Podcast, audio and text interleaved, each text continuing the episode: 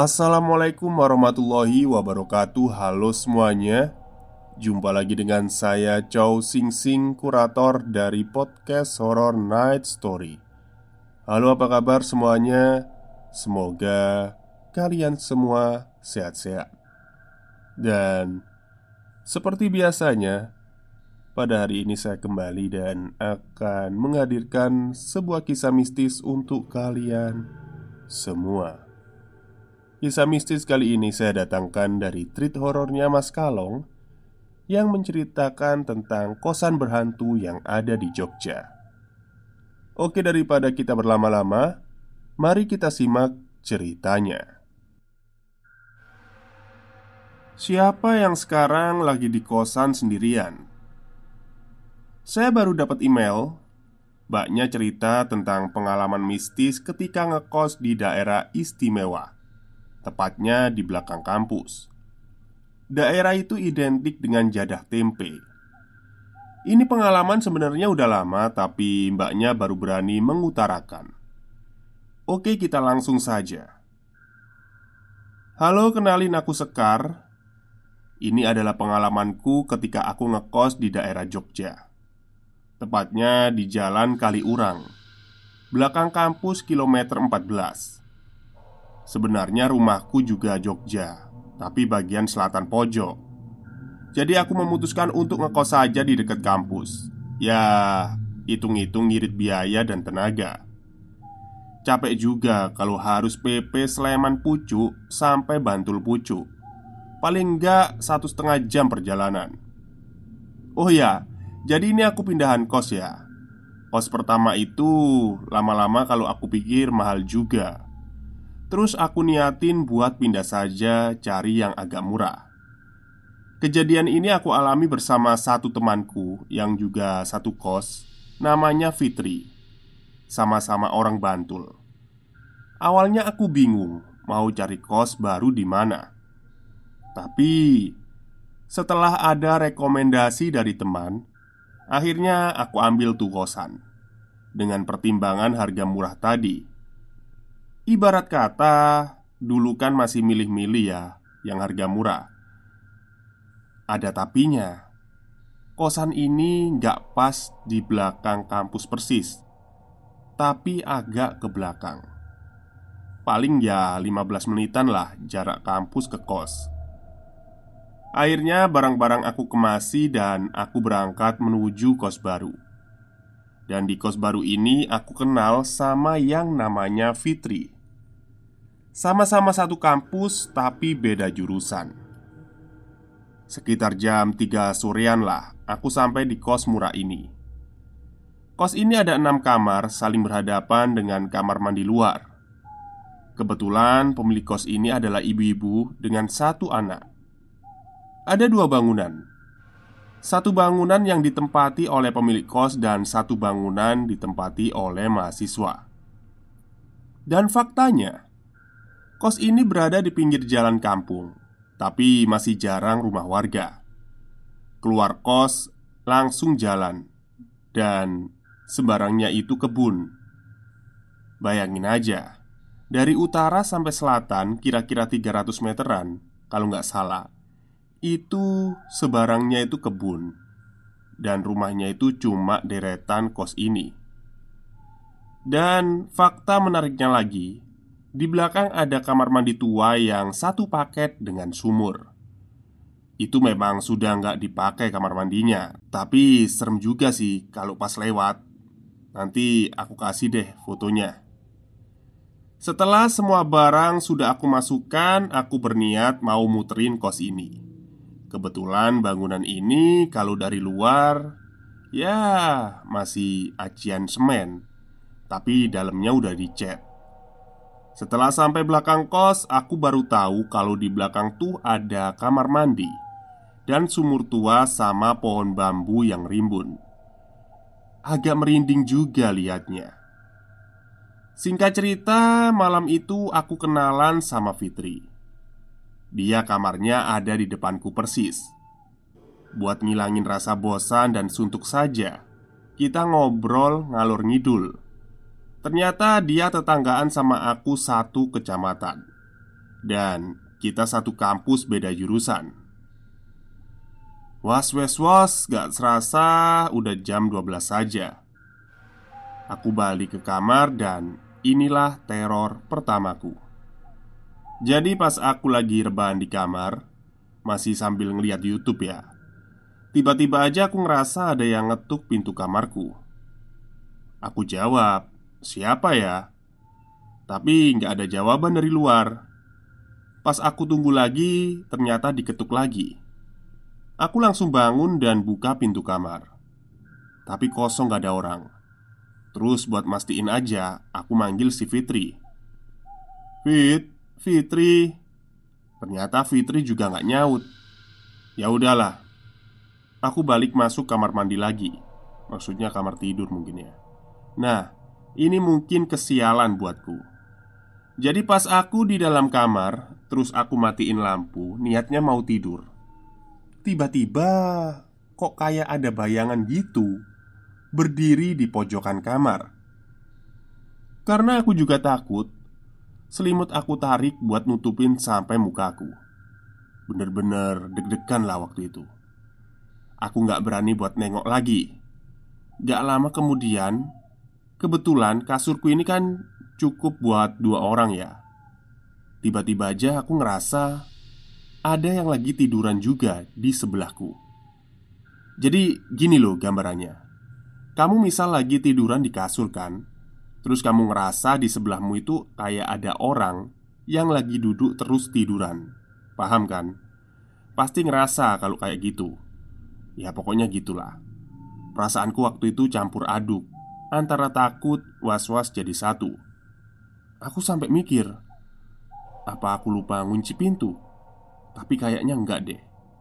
Aku sudah ngunci pintu. Lama banget tuh aku tutupin muka pakai selimut.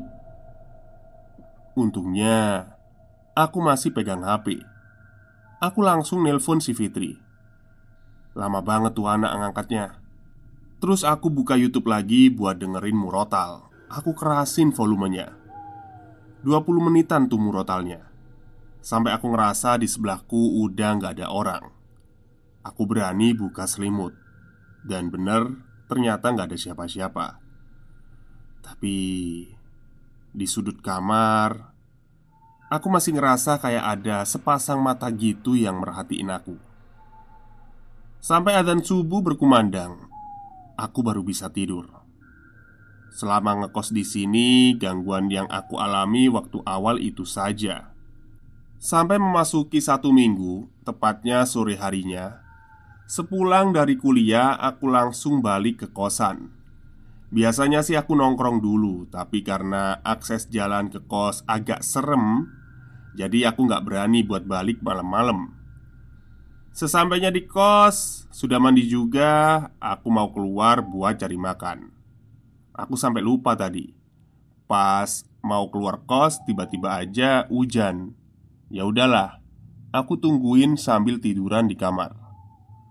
Kebetulan kamar kos di sini full, tapi orang-orangnya kalau balik pada malam-malam. Jadi sore itu aku sendirian di kosan. Awalnya sih biasa saja. Hanya sebatas merasa ada hembusan atau hawa aneh. Tapi pas waktu mau masuk maghrib, tiba-tiba aku ngecium ada aroma khas banget. Aroma kembang sama kapur barus. Tahu kan bebauan itu? Nah, kalian yang lagi ngekos kalau lagi bau itu hati-hati aja. Aku sempat terdiam sambil meresapi bebauan itu. Bikin gak nyaman juga sih.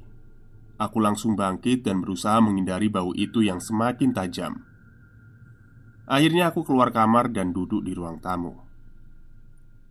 Nah, Pas tiba di ruang tamu Iseng aja aku ngeliatin arah luar lewat jendela Mungkin karena keasyikan liatin hujan Tanpa aku sadari Ternyata suasana sudah menjadi gelap Aku sampai lupa nyalain lampu kamar dan ruang tamu. Pas aku jalan ke arah saklar mau nyalain lampu Tiba-tiba aku dengar ada suara langkah kaki. Langkahnya nggak cuma sekali doang Tapi berulang kali sampai tiga kali.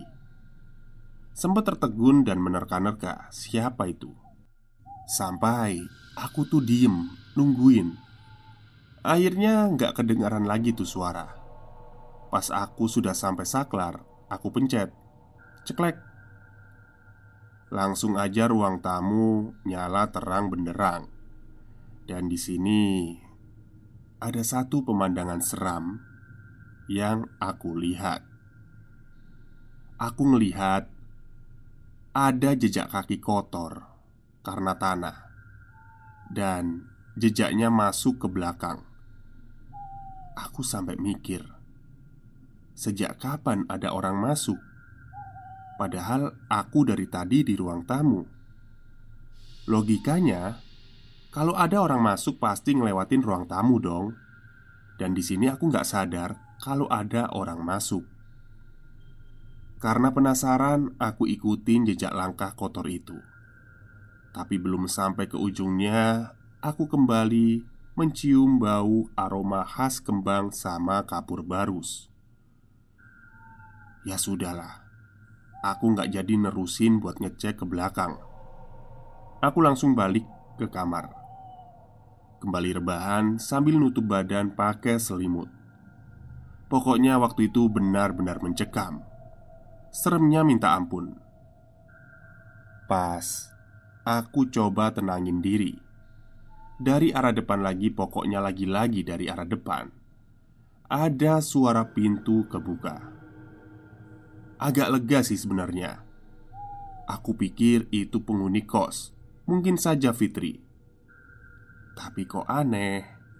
Kalau ada orang masuk pasti kedengeran dong langkah kakinya. Tapi itu nggak ada suara langkah apa pun.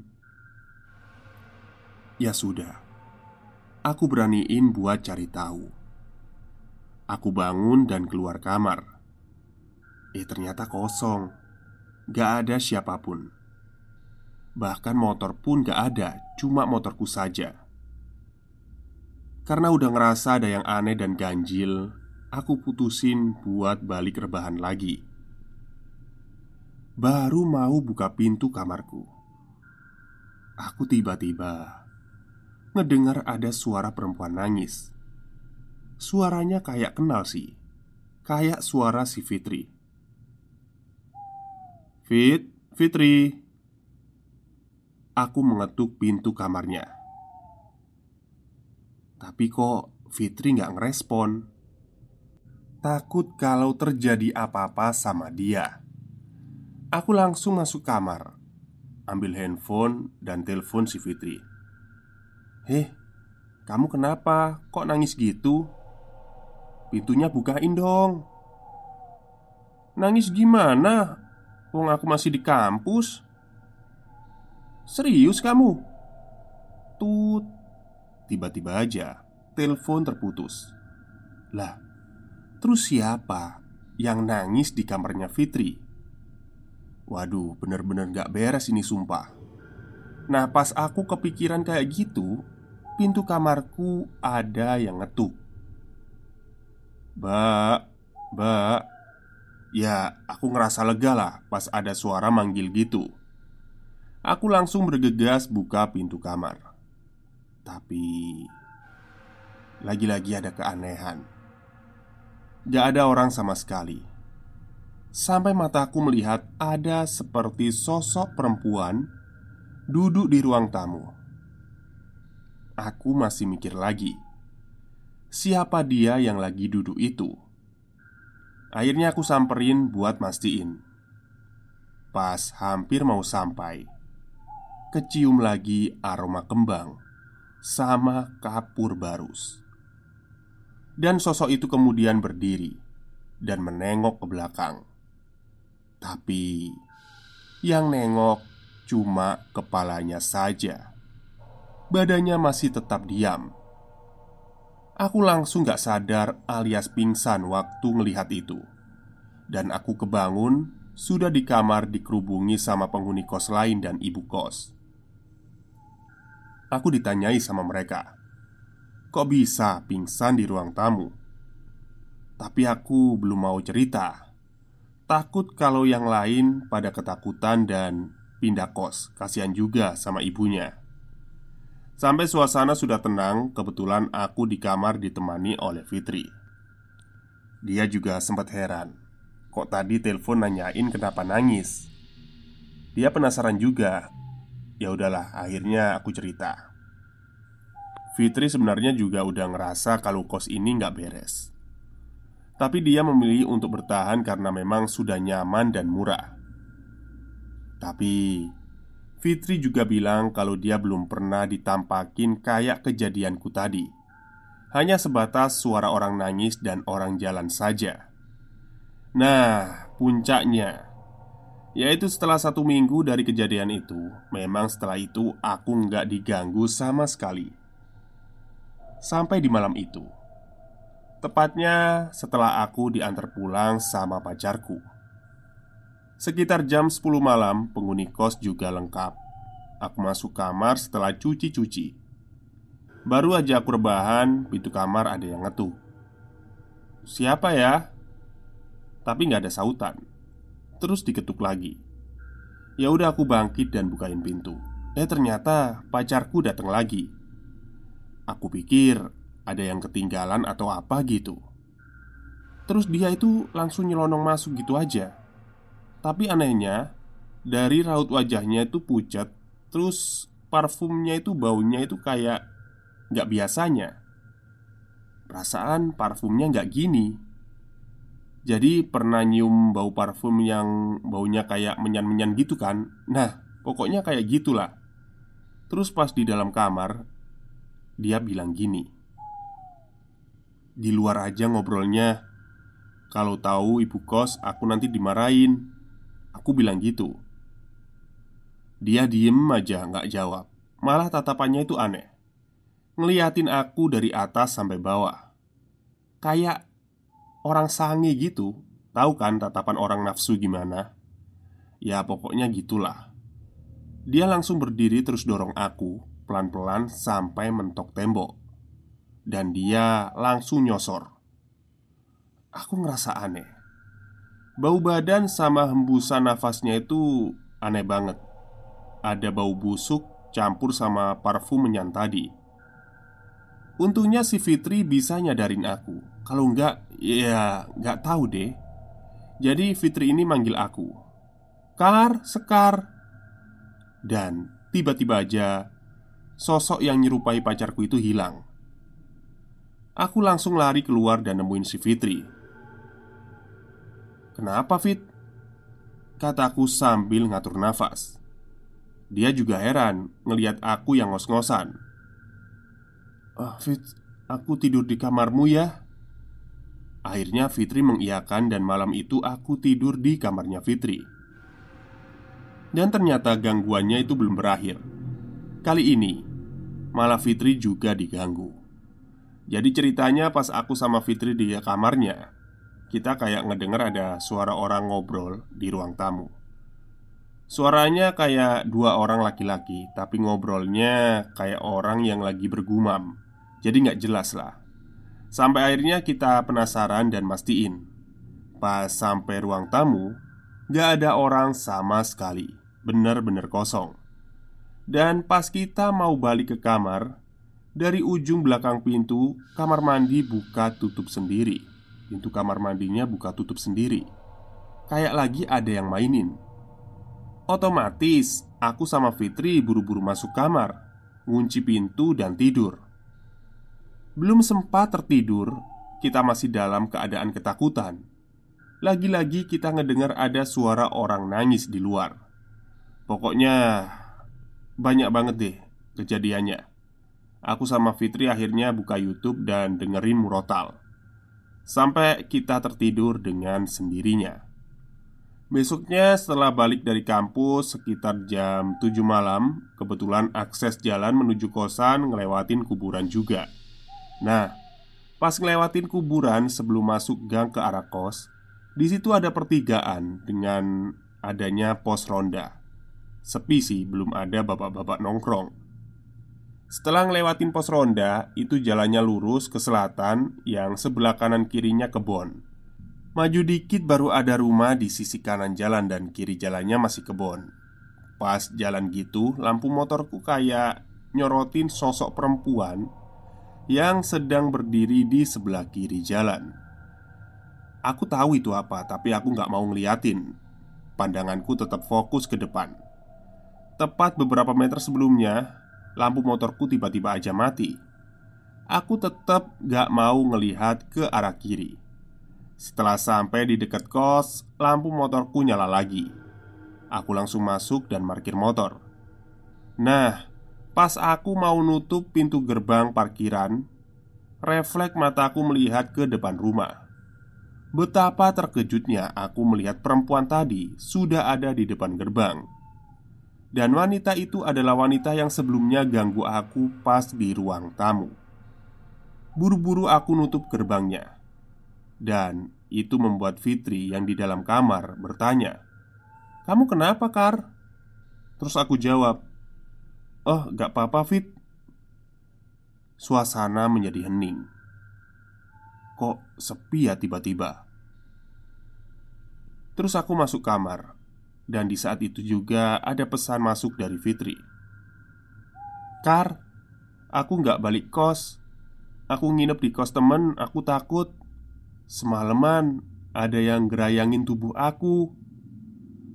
Saat itu juga, tubuhku kayak kaku, nggak bisa gerak. Terkejut juga sama pesan yang dikirim oleh Fitri. Aku nangis, bener-bener nangis. Ya sudah, tanpa buang-buang waktu, aku keluar lagi menuju warung burjo yang ada di pinggir jalan besar sekedar untuk nenangin diri dan minta tolong sama temanku. Jadi malam itu aku nginep di kos teman Dan ini beberapa gangguan yang aku alami Aku bikin singkat saja. Jadi pas lagi cuci piring Tiba-tiba ada yang noel badanku. Terus pas di kamar mandi dari atas plafon tiba-tiba kayak ada rambut panjang keluar. Kemudian sosok di kamarku itu muncul lagi Tapi dengan bentukan kayak genruwo. Sampai aku mau diperkosa sama sosok yang nyerupai pacarku itu.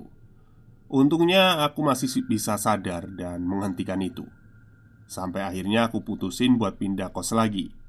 Dan gak ada gangguan mistis di kos barunya. Dan aku gak tahu nasib yang lainnya gimana ya. Soalnya aku juga gak terlalu akrab. Akrabku sih cuma sama Fitri aja. Sebenarnya masih ada yang serem pas di kampus Tapi Kapan-kapan aja aku ceritanya. Oke. Jadi kosannya Mbak Sekar ini cocok sekali buat wisata ya. Memang Kayaknya serem banget. Ya nggak tahu apakah pemilik kos ini menyembunyikan sesuatu atau enggak ya.